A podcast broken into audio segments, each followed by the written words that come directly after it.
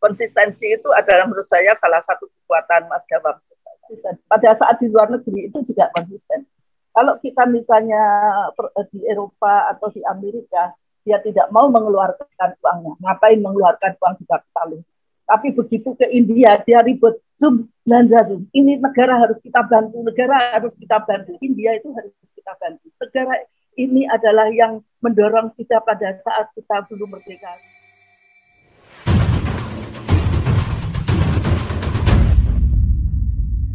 Sebelumnya terima kasih karena sudah bisa menjadi salah satu narasumber kami dalam launching buku yang diterbitkan oleh Berita Baru Publishing dengan data-data yang diperoleh dari uh, epistemik ya uh, tulisan Prof Dawan Raharjo dari tahun sekitar 2014 sampai 2015.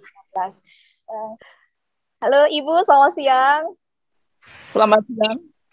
Selamat, siang. siang. Terima kasih. Ibu uh, terkait karena Ibu ini uh, selaku temannya Prof Dawan Raharjo, bagaimana menurut Ibu gagasan Prof Dawan Raharjo sebagai aktivis di masa hidupnya?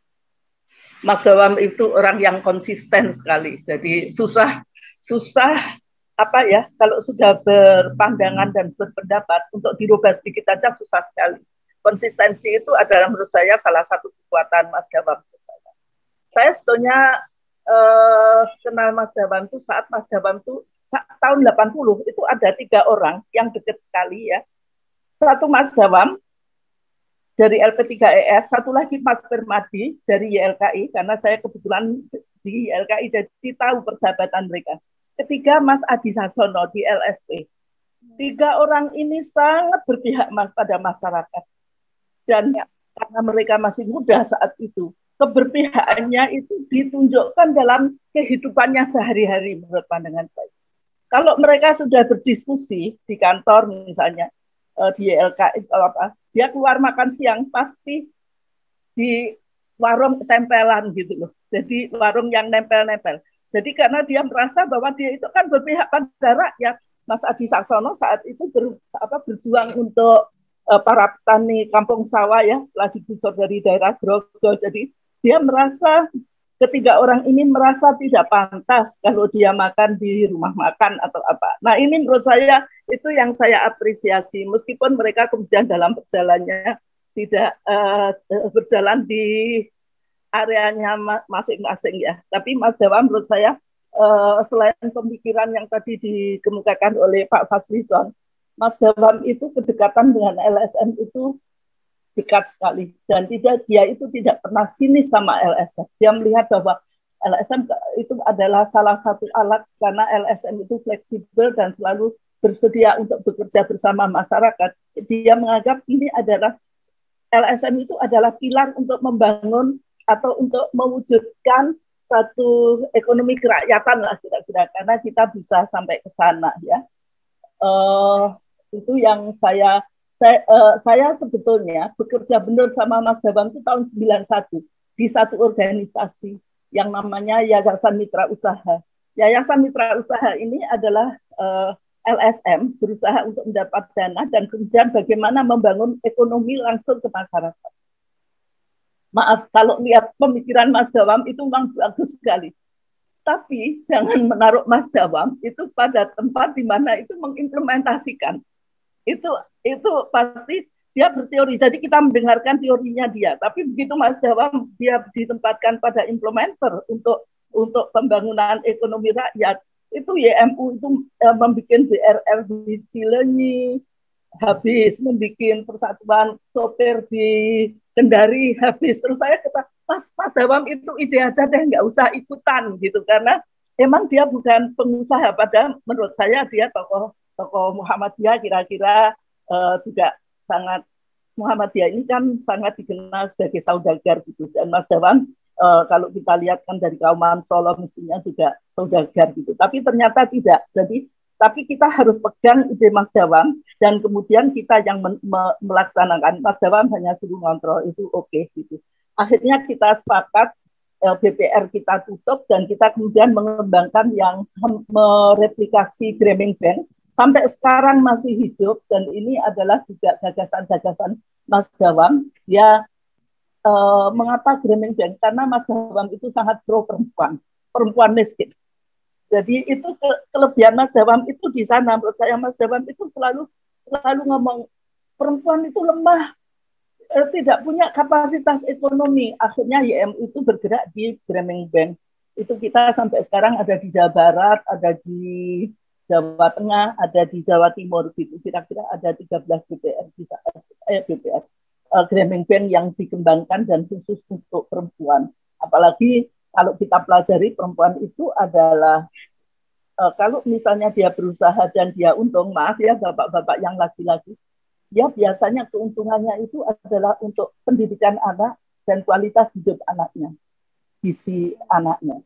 Tapi dari pengalaman kita pada awalnya itu kita bikin agak kita campur, itu pada saat ada laki-laki, itu laki-laki itu keuntungannya hanya untuk merokok dan untuk kawin lagi. Nah ini semakin meyakinkan Mas udah nggak ada mau tambah-tambahin lagi nggak ada kita pokoknya harus pure perempuan.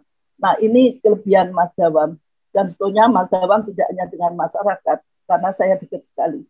Bagaimana Mas Dawam itu uh, bisa menceritakan tentang istrinya dengan uh, maaf ya kan karena setelah Mbak Hawaria meninggal Mas Dawam itu kan menikah lagi yang profesinya sangat berbeda yang satu adalah ibu rumah tangga, yang satu adalah profesional di pemerintahan. Tapi Mas Dawam itu bisa melihat kelebihannya masing-masing dari sudut mata dia loh. Jadi tidak pernah menjelekkan, ini luar biasa, ini luar biasa. Jadi menurut dia perempuan itu multi, multi kalau laki-laki kata dia tidak akan pernah bisa kayak Hawaria kata dia gitu.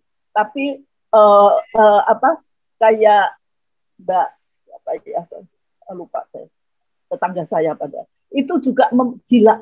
Itu dia kalau sudah nulis nih katanya dia. Jadi uh, dia tidak hanya dengan masyarakat cara menghargai istri dan sebagainya itu dia luar biasa. Tidak dia selalu melihat perempuan itu dari sisi kebaikannya dari tahun 91 saya bersama Mas Dawam ya, untuk mengembangkan YMU dan alhamdulillah sampai sekarang masih jalan di nya uh, yang lainnya itu saya lebih banyak dengan Mas Dawam saat kita bersama-sama di Infit. Infit adalah kumpulan aktivis dan kumpulan LSM yang ter, uh, yang uh, komitmennya adalah mengamati utang-utang pemerintah Indonesia yang saat itu tidak pernah dikatakan utang tapi adalah sumbangan selalu kalimat-kalimat Pak Harto itu adalah sumbangan luar negeri padahal utang advokasi internasional ini yang kita lakukan kita lakukan bersama-sama uh, ada di uh, anggotanya ya LP3ES, YLKI, Walhi dan banyak dan ada juga individu kayak Gus Dur apa itu individu. Nah, kalau saya tadi ngomong Mas Dewan itu sikapnya ada konsisten. Pada saat di luar negeri itu juga konsisten. Kalau kita misalnya di Eropa atau di Amerika, dia tidak mau mengeluarkan uangnya. Ngapain mengeluarkan uang di kapitalis? Tapi begitu ke India dia ribut Zoom belanja Zoom. Ini negara harus kita bantu, negara harus kita bantu. Tapi saya kalau misalnya dia tahu saya beli apa di Eropa itu dimarahin sama dia. Jadi Mas Dawab itu demikian sampai membela apa satu negara. Ini negara India itu harus kita bantu. Negara ini adalah yang mendorong kita pada saat kita belum merdeka. Saya sedikit-sedikit di di apa diprovokasi gitu akhirnya juga belanja meskipun kualitas India kita tahu lah gitu kan kira-kira tapi jangan dilihat kualitasnya kita harus bantu dia kita harus belanjakan uang uang kita di di, di sini itu Mas Dawam uh, satu hal yang selalu saya ingat adalah di saat istrinya meninggal. Ini Mas Dawam Muhammadiyah ya. Teman-temannya dia kan banyak sekali NU de, uh, Pak Fahri Ali mesti tahu teman-teman yang ada di LPTG saat itu kan ada Mas Abdullah Sarwani, ada Mas Nasihun Hasan, ada Mas Ahmad Mahasin gitu. Saat istrinya meninggal, teman-teman itu setiap malam datang ke sana dan mengaji. Kalau NU pengajian, kalau Muhammadiyah kan tidak pengajian, sehingga Mas Dawam tidak mau melakukan. Tapi setelah tujuh hari, dia panggil saya ke rumahnya, sini ke sini tak cerita ini. Hebat loh NU itu uh, bahwa pengajian itu ternyata menghibur sangat menghibur saya sangat menebalkan uh, apa ya rasa keimanan saya bahwa kita ngaji bersama-sama karena kan uh, pandangannya adalah itu adalah doa kita keluarga saja nah dia akhirnya bisa menghargai pada saat dia dirinya sendiri itu mengalami seperti itu. Jadi uh, uh, jadi teman-teman yang datang itu juga senang ngaji bersama Mas Dawam yang menerima saat dengan baik. Uh, ya saya cukup dekat ya. Dia banyak menceritakan sesuatu yang sangat kadang-kadang sangat pribadi. Bahkan sering sekali jemput saya ayo makan padahal ada suami saya dia ayo mas tinggal dulu ya gitu Nah, itu adalah persahabatan kita ya. Dan akhirnya dia kan juga membeli rumah di dekat saya. Jadi kita sekomplek itu, dia mau beli rumah itu dia uh, tanya kita gimana di sini baik. Saat dia pindah rumah itu kalau pagi dia jalan pasti mampir ke rumah saya dan selalu ngomong habis habis uban nanti ke rumahku ya kata dia kita diskusi selalu ngajak diskusi Mas Dewan itu Padahal dia saat itu sudah pelupa, sehingga kita kumpul di rumahnya, dianya nggak ada karena dia jalan-jalan yang dia sudah tidak tahu arah pulangnya dia.